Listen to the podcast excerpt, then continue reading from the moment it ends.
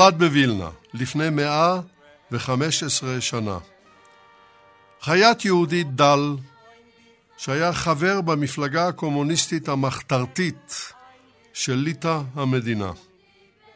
לאחר שזו נכבשה על ידי גרמניה של היטלר, עמד איציק בראש המחתרת הקומוניסטית שנלחמה בכובש.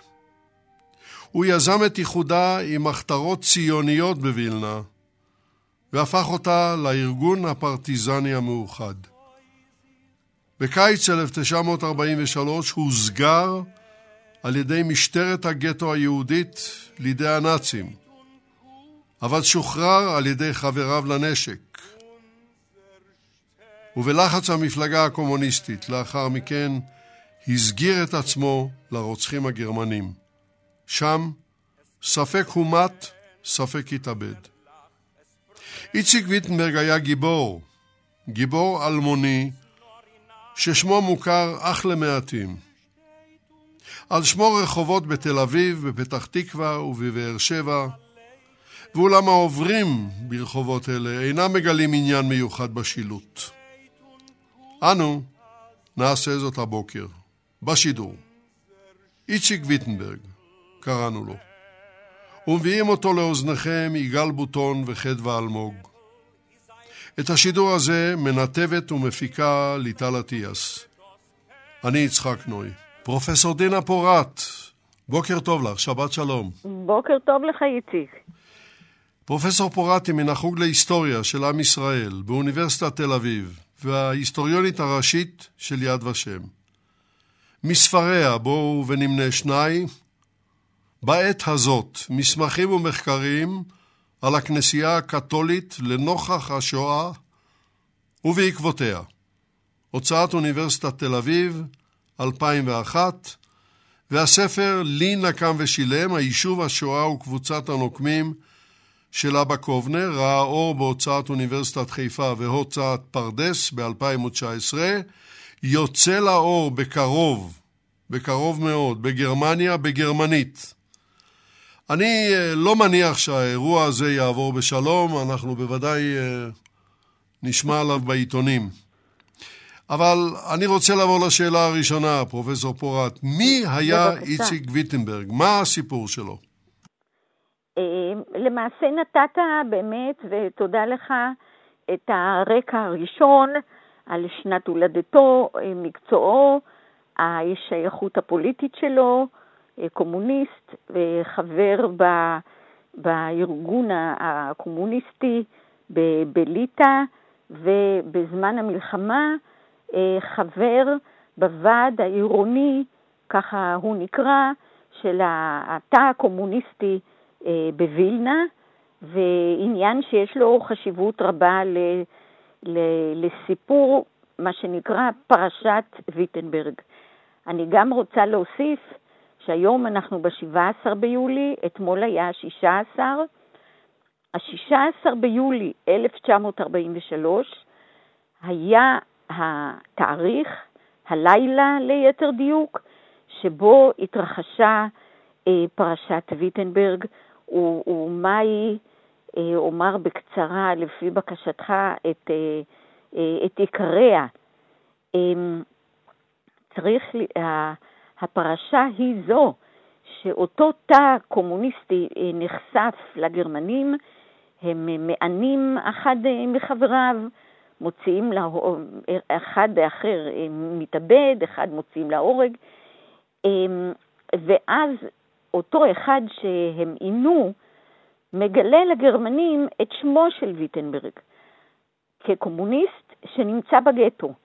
הגרמנים אינם יודעים, ככל הידוע לנו, אינם יודעים שהוא מפקד מחתרת שאתה ציינת אותה, מחתרת מאוחדת, שקמה בגטו אה, אה, בתחילת, אה, בתחילת 42, והיא מורכבת מכל המפלגות, גם, מ, גם הקומוניסטים בבונד ובית"ר והשומר הצעיר, הנוער הציוני.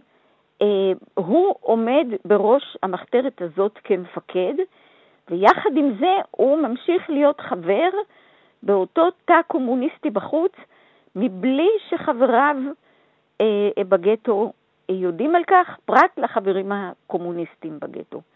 מה שקורה הוא שברגע שנודע לגרמנים, הם, ש, שנמצא קומוניסט אה, בגטו ושהם רוצים לשים את ידם על כלל החברים של אותה התארגנות, הם באים לגטו ונותנים אולטימטום.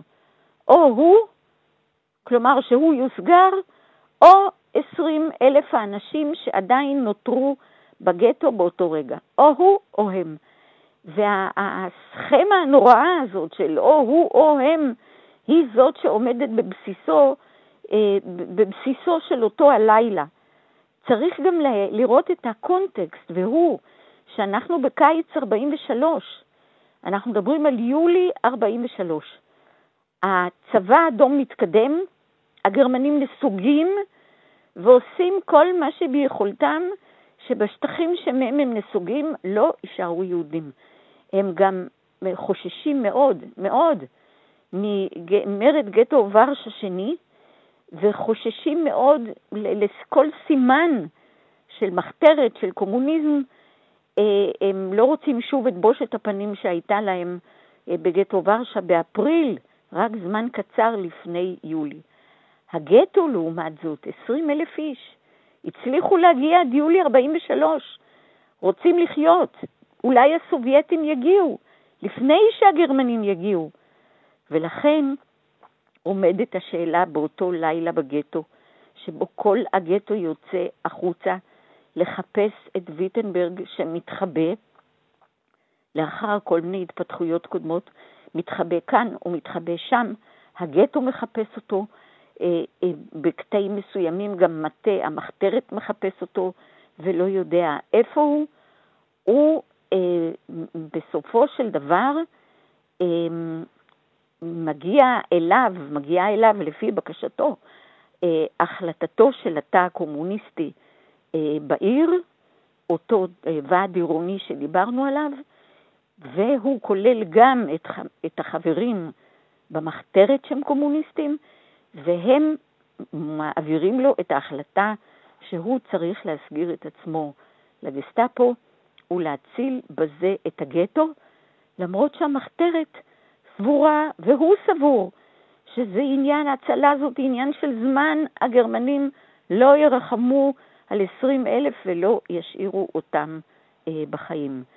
מתקיימת ישיבה, ישיבה דרמטית שתוארה באין ספור עדויות, מחזות וכך הלאה, של מטה המחתרת, מגיעה אותה החלטה של הוועד העירוני, ואז, כמו שקובנר, אבא קובנר, אה, מגדיר את זה במשפט אייכמן, על דעת המפקדה ועל דעתו מסרנו אותו לגסטאפו, אה, ואחרי כן בשיר שהוא כותב עליו אומר, הסגיר עצמו לגסטאפו להציל את הגטו מענישה קולקטיבית. ויטנברג נותן את אקדחו לקובנר. האקדח הזה, דרך אגב, ויטקה מסרה אותו, ויטקה, אלמנתו של אבא קובנר, מסרה אותו ליד ושם והוא נמצא שם היום. אה, מוסר לו את האקדח, כלומר את הפיקוד, יוצא אל השער, אל השער כשכל הגטו שהיה בחוץ, אמרנו, עומד לאורך הרחוב ומרכין ראש. יש הרבה מאוד ביטויים של הערצה והערכה לאיש שבעצם קיבל את ההחלטה, שלא הוא יזם אותה, הוא מסר את חייו להצלת הגטו. זאת הפרשה שהיא דרמה, הוא טראומה ופצע פתוח. זה ללא ספק סיפור מזעזע. לגמרי. בואו רק נוסיף לתועלת המאזינים סליחה, נקרא לזה כך, שבקיץ 1943 יש מעט מאוד גנרלים גרמנים שמאמינים שגרמניה תנצח. כן.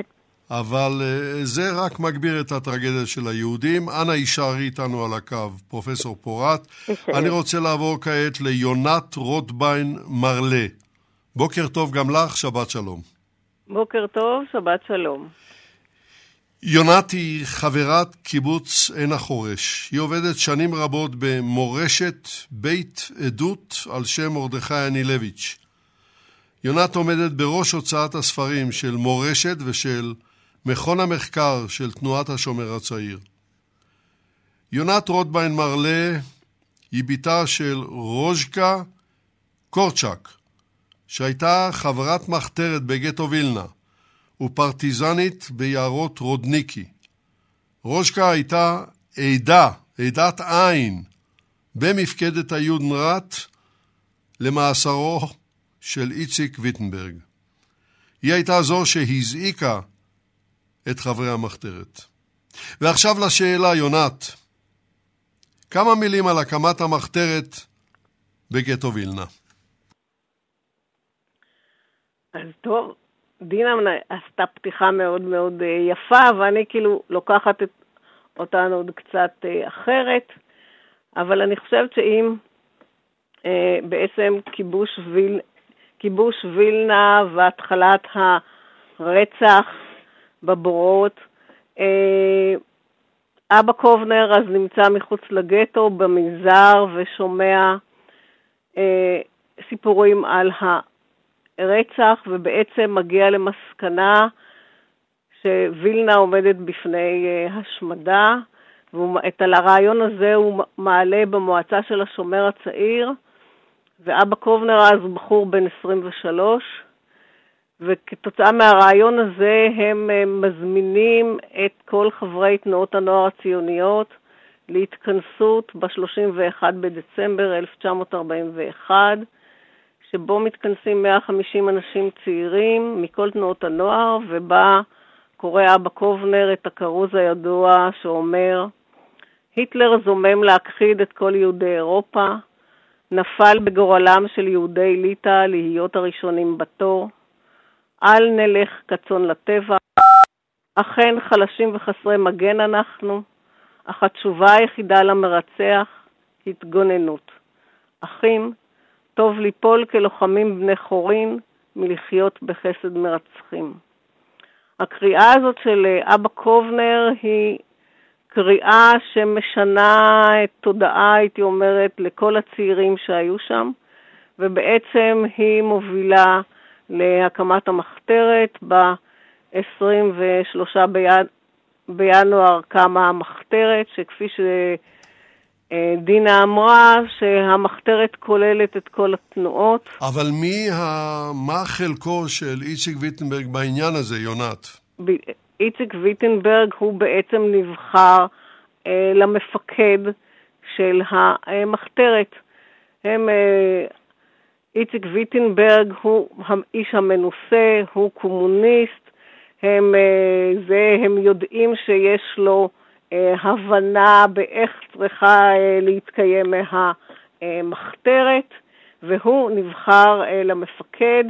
איתו במפקדה נמצא יוסף גלזמן, שהוא איש בית"ר, שעד אז הוא גם שייך למשטרה היהודית, ובעקבות ההצטרפות שלו למחתרת הוא מתפטר מהמשטרה היהודית, ואבא קובנר, אה, כפי שכבר אמרנו, איש הבונד הוא אברשה חבויניק, והנציג של הנוער הציוני הוא ניסן רזניק.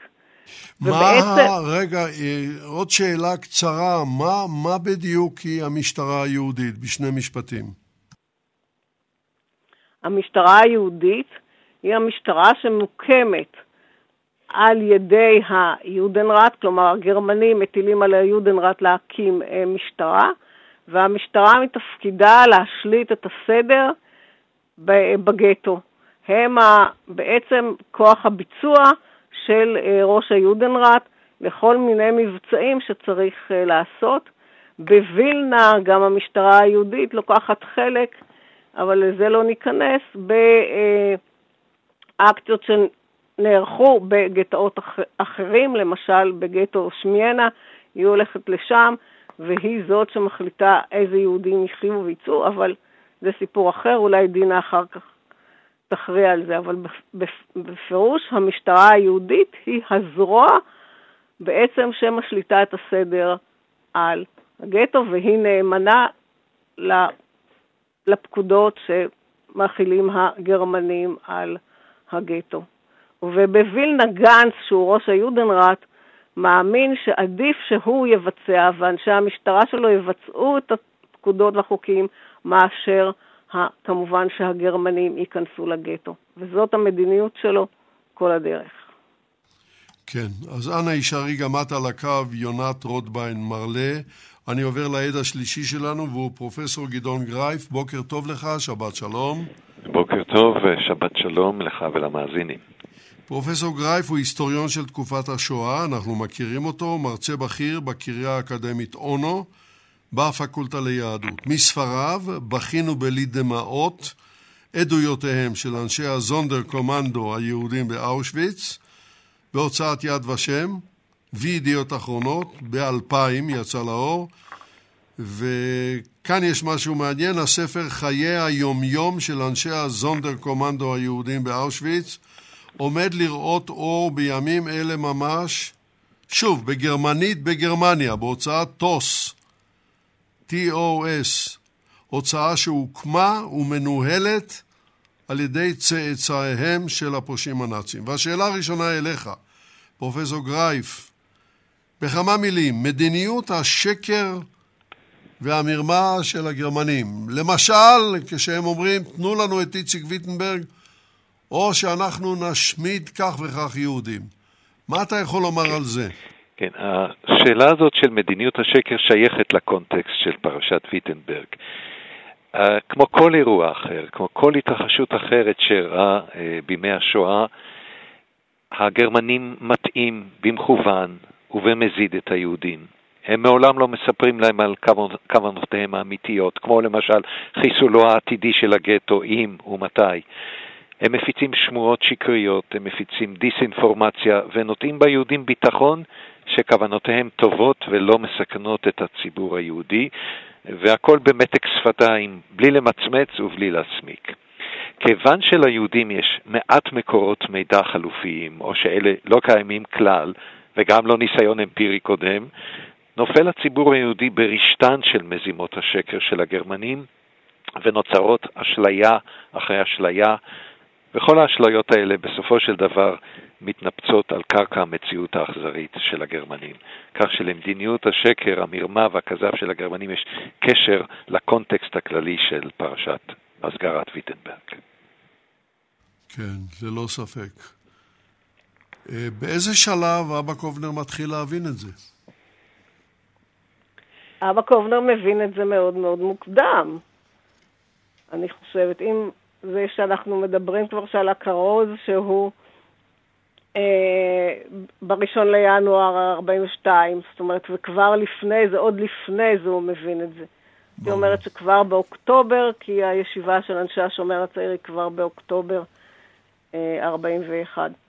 ברור. אה, אם הייתי יכולה להוסיף, אה, הוא, קובנר מבין, אה, קובנר, דרך אגב, מימיו לא לקח לעצמו את הבעלות הגמורה על הקרוז שיונת תיארה ונתנה לנו את תמציתו. זאת אומרת, הוא אף פעם לא אמר, רק אני הבנתי שיש, שיש תוכנית של השמדה שיטתית.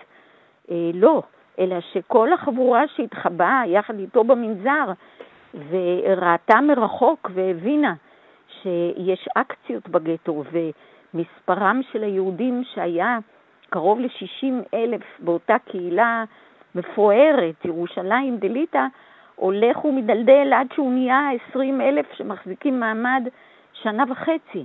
וכשהם מבינים את זה, הוא זה שמעלה את ההכרה שלהם שיש פה תוכנית, תוכנית שלמה, תוכנית מסודרת.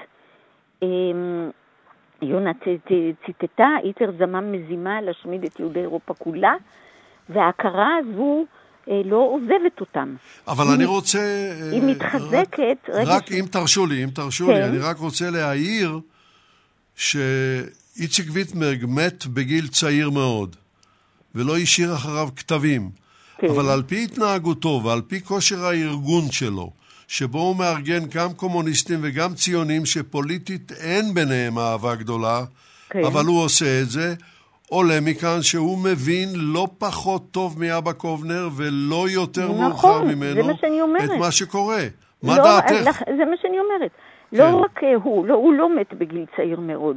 הוא היה מבוגר אה, מרוב אנשי המחתרת, שהיו צעירים בסוף, רזניק עוד לא היה בן 20, שהיו בראשית שנות ה-20 שלהם, הוא היה מבוגר מהם, הוא כבר ישב בכלא קומוניסטי, היה באמת אדם נערץ, בעל ניסיון, אבל אה, הוא לא מקים רק הוא את המחתרת המאוחדת, אלא זה משא ומתן. זה משא ומתן שעומדים בראשו שלושת המפקדים, ויטנברג, קובנר, אמ, אה, גלזמן. בעניין ההכרה, מתי בעצם זה אמ, מחלחל סופית, שמה שלא יהיה זו התוכנית של הגרמנים, זה כאשר הם מחלקים תעודות בגטו. שיינים, הם מחלקים תעודות, זה יש לו תעודת עבודה שפירושה אוכל וחיים, וזה, והוא רשאי לצרף לתעודה הזאת עוד אנשים, גם לא בני משפחה, ומי שאין לו. וכשהגרמנים מקימים גטו קטן וגטו גדול, קטן שבו ברור לגמרי שבו הם כולאים כל מי שהם לא צריכים, והגדול שבו מי שיכולים לעבוד. כלומר, ההתנהגות הזו של הגרמנים שגדעון עמד עליה, היא כן מתחילה להיות מובנת, ושקרים ואשליות הם אכלו כבר מראשית המלחמה. אנחנו בקיץ 43, אין, אין אשליות. אה, אני אוסיף כאן אה, שחיים לזר, איש בית"ר, כשהוא כותב את ספריו אחרי המלחמה, כותב שבאותו לילה נורא בגטו, הגטו רוצה שיסגירו אותו, מפני שהם רוצים לחיות אפילו זמן קצר, ומי יודע, הסובייטים אינשאללה יגיעו. אבל הוא כותב, בעמקי ליבם כולם יודעים, כולם יודעים שהבחורים הרדופים האלה, כלומר המחתרת, שככה כאילו מסכנת אותם, שהבחורים הרדופים האלה הם יודעים את האמת, שאין לאן לברוח מגזר ההשמדה. ברור. פרופסור פורט, נכתבו שישה מחזות, כן.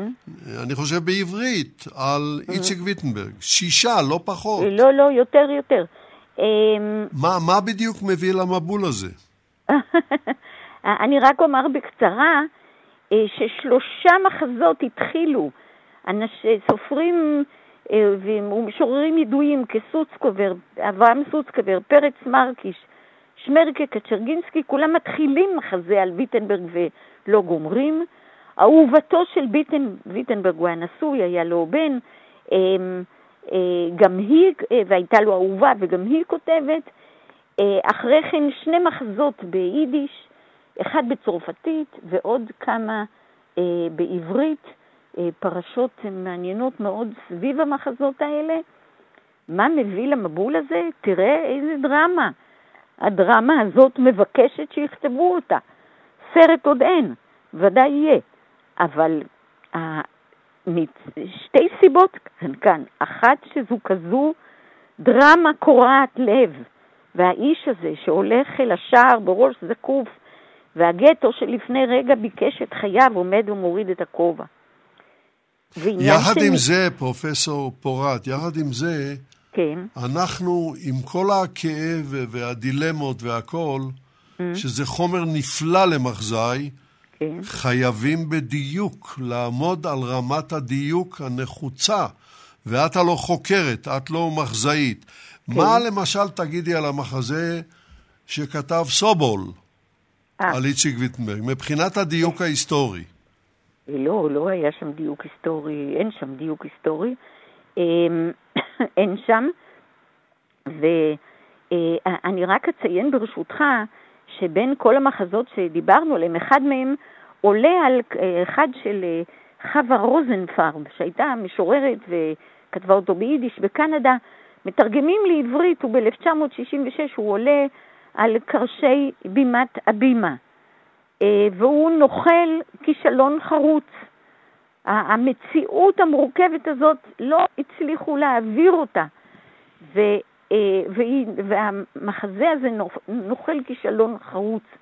יצחק שדה כותב, הוא כותב ארבעה מחזות, הוא כותב אחד שנקרא לוחמי הגטאות, שבו ויטנברג נקרא ניקולאי, זה מעיד לדעתי על הערצה לברית המועצות, ושם כן יש תמונה של המחתרת ואיציק ויטנברג כדמות חזקה, מפקד, אה, אדם שחושב על ההיסטוריה של העם היהודי, על כבודו קדימה, וכשהוא יוצא לשער אומר לכולם שכך והעם ימשיך וילך, המחזה חזק מאוד.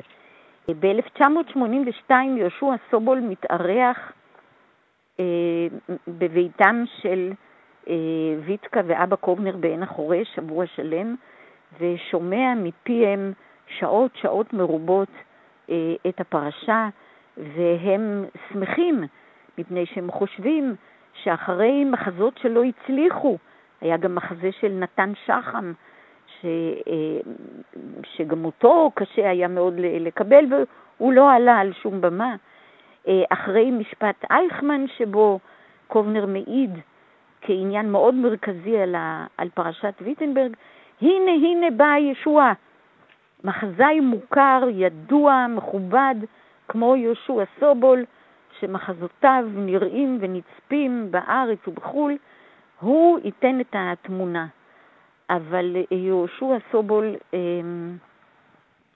לא, לא, נותן את ה, לא נותן את התמונה, והקובנרים, כשהם קוראים את המחזה, נגרמת להם אכזבה גדולה מאוד.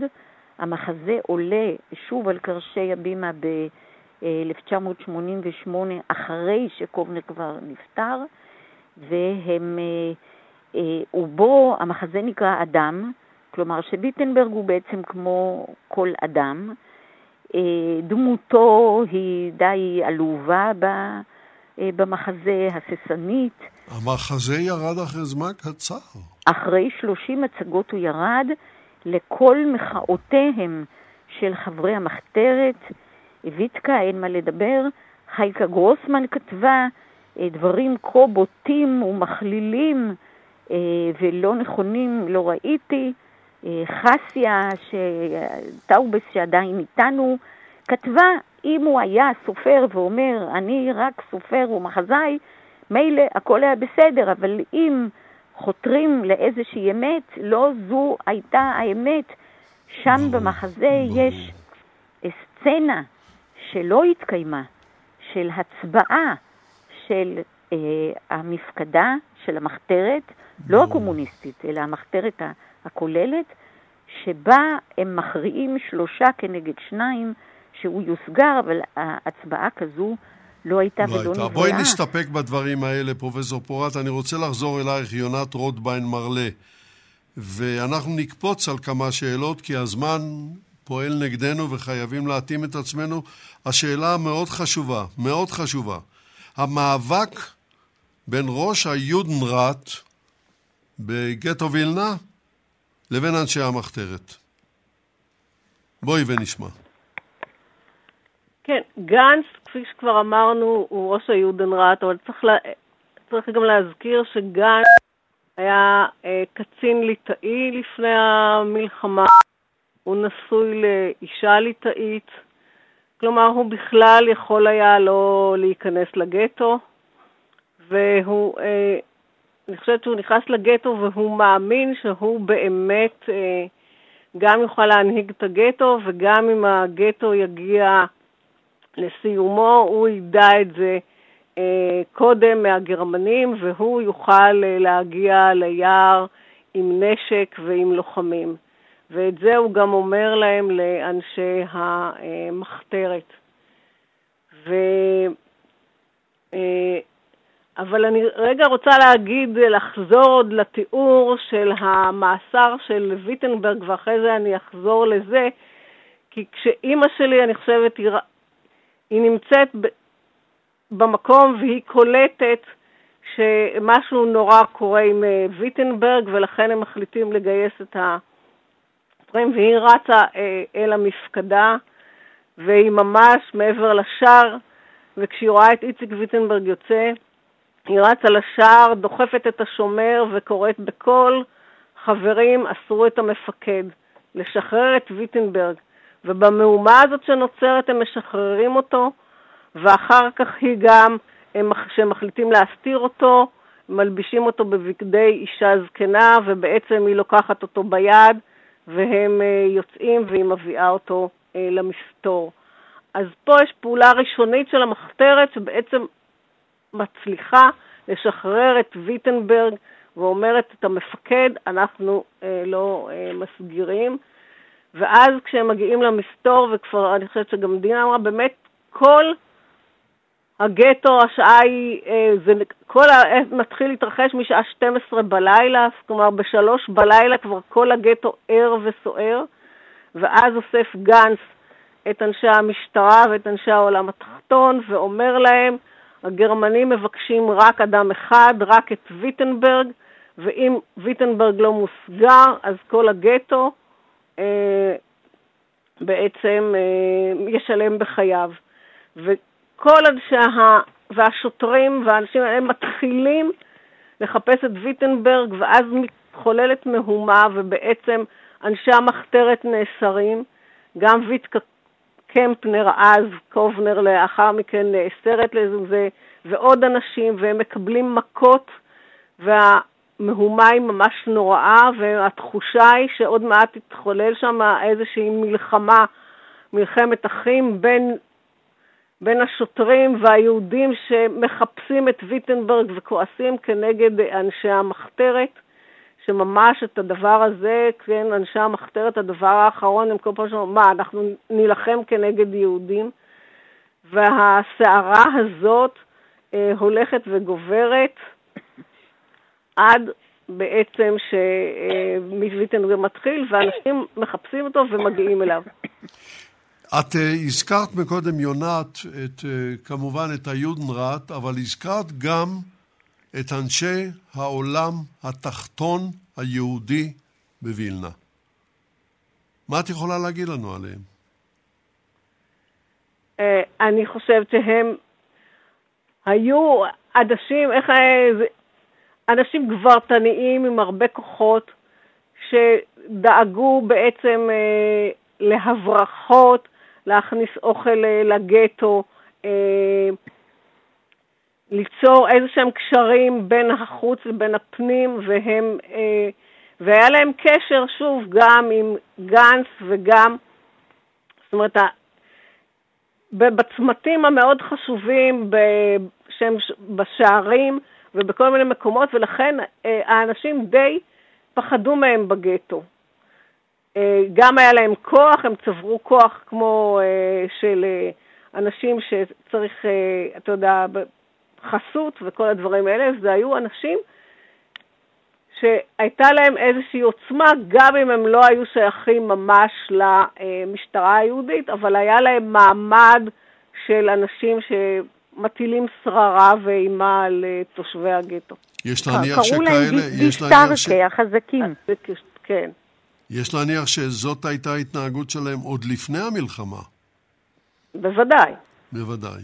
טוב, אה, יישאר איתנו, רוצה... אל תרדי מהקו, פרופסור גרייף, אני כן, אני רוצה להוסיף אולי, ברשותך, עוד היבט שמצטרף לנקודה הקודמת שהעליתי. אני רוצה לדבר על הדילמות.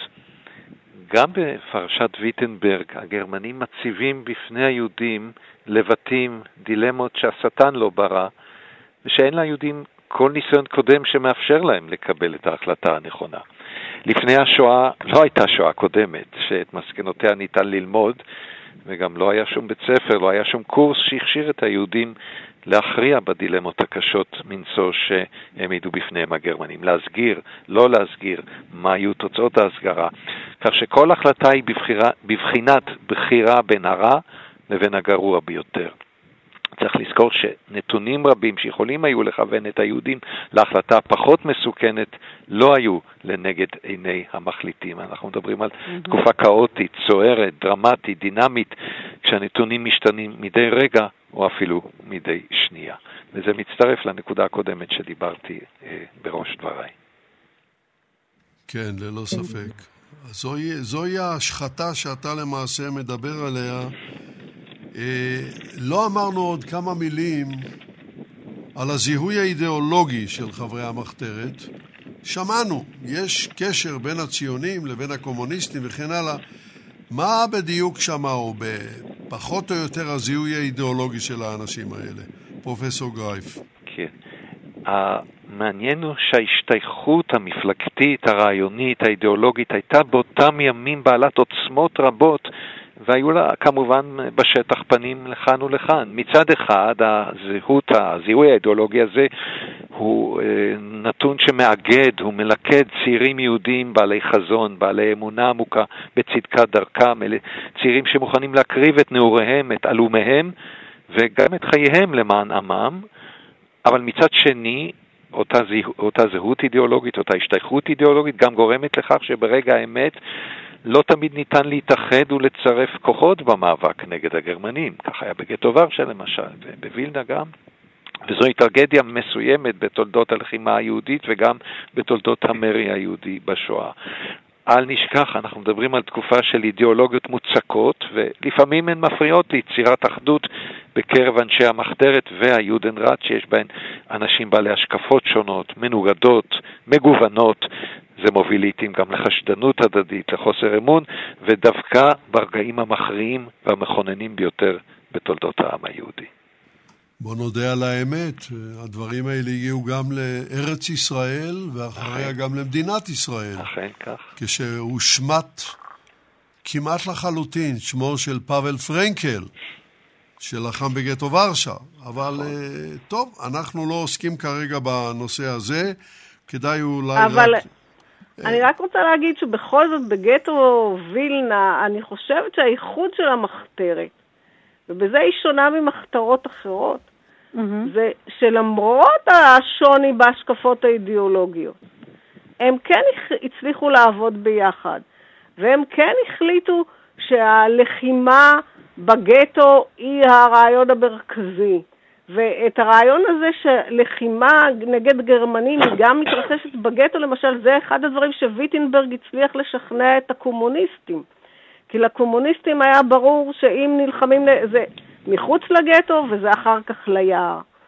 רק בעצם לאחר פרשת ויטנברג או פרשת גלזמן שהייתה קצת קודם, מתעורר הרצון או הצורך של המחתרת להוציא אה, גדודים, להוציא את האנשים ליער. ששוב, שכבר להם גם ברור שה... שהם עומדים בפני אה, חיסול הגטו ושהפרטיזנים אה, מתקרבים. כלומר, רק אז, ו... ואני חושבת שאת זה חייבים אה, להגיד לזכותם של אנשי וילנה, mm-hmm. שההבנה שלהם שגורל יהודי אירופה הוא משותף לכולם, ומכיוון שהגורל המשותף, אין מקום לחילוקי הדעות האידיאולוגיים. ולמרות שהיו שם חילוקי דעות, הם ידעו לעבוד בשיתוף פעולה כן, שהשפיע. על כל המחתרת. טוב, אה, פרופסור פורת, תודה רבה לך. יונת, אה, פרופסור פורת, אה, אני, משהו... אני יכולה להוסיף על דבריה של יונת.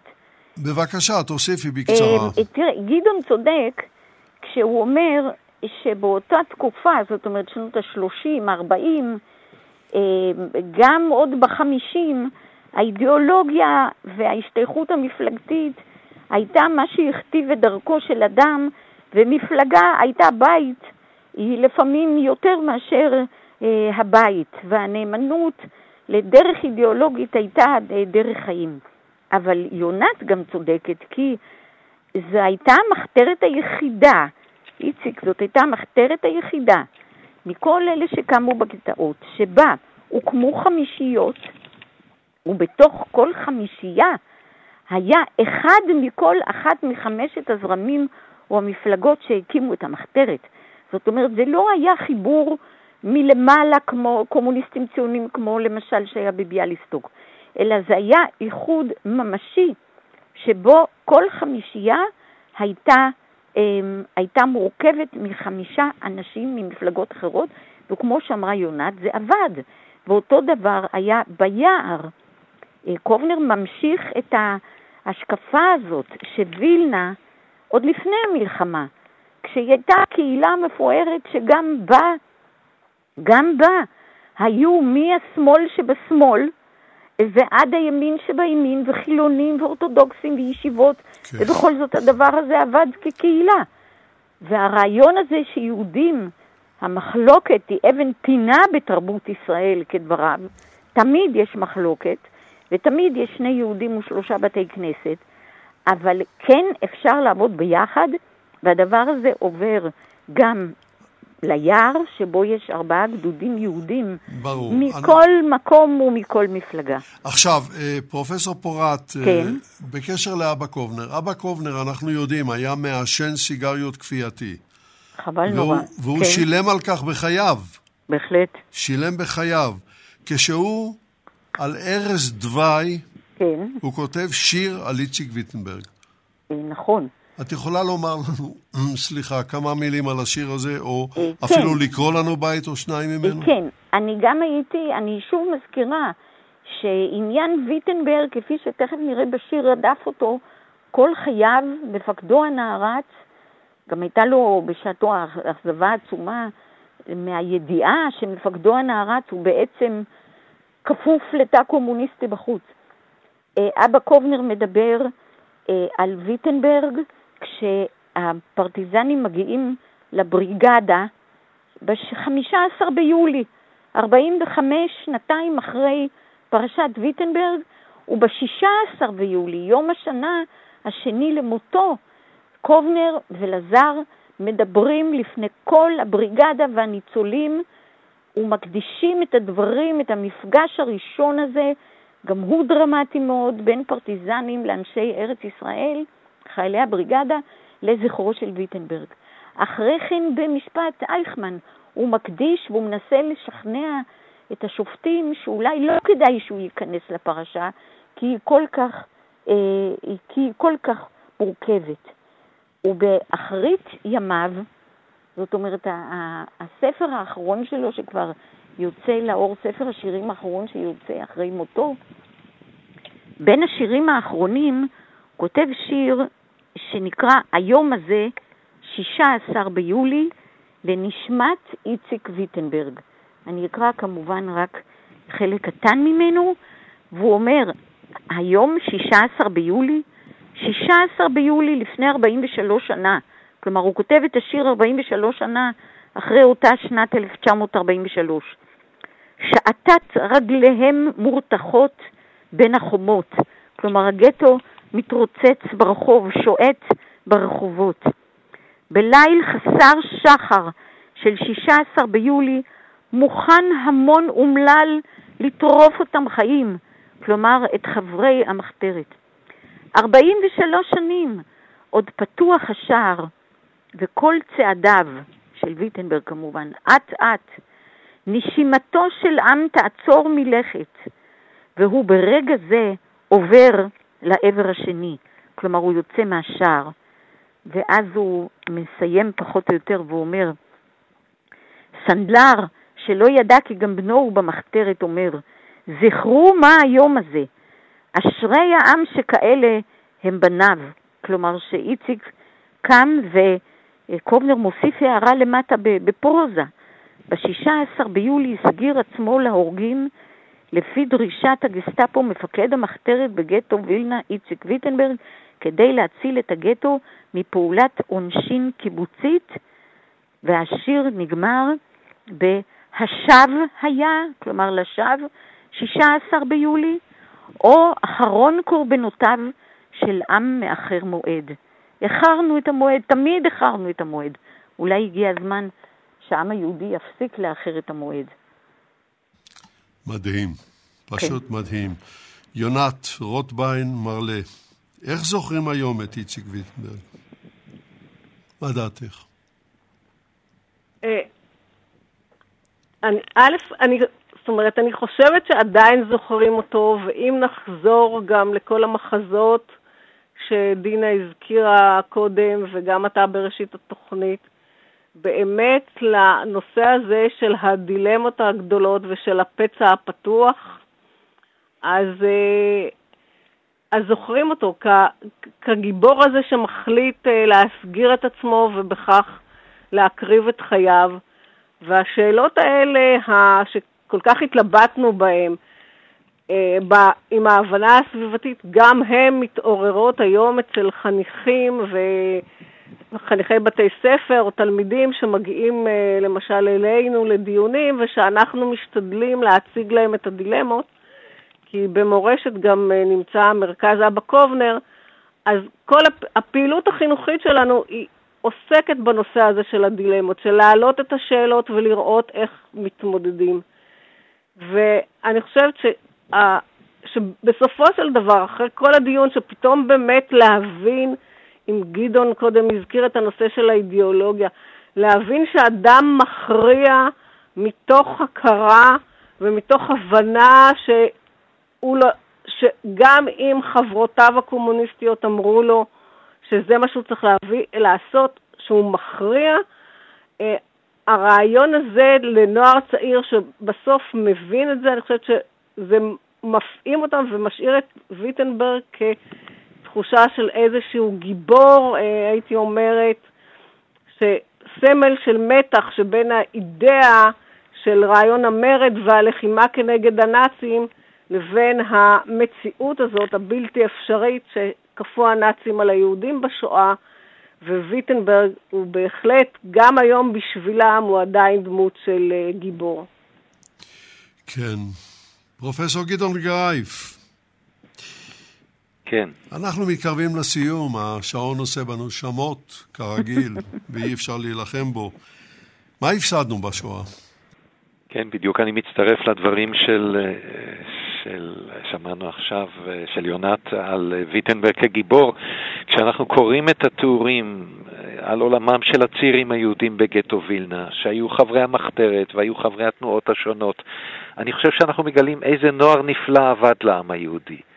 נוער שכולו ערכים, שכולו רמה מוסרית, עומק רוחני, שכולו מסירות, נכונות להקרבה, שכולו רעות, סולידריות וגם מסירות.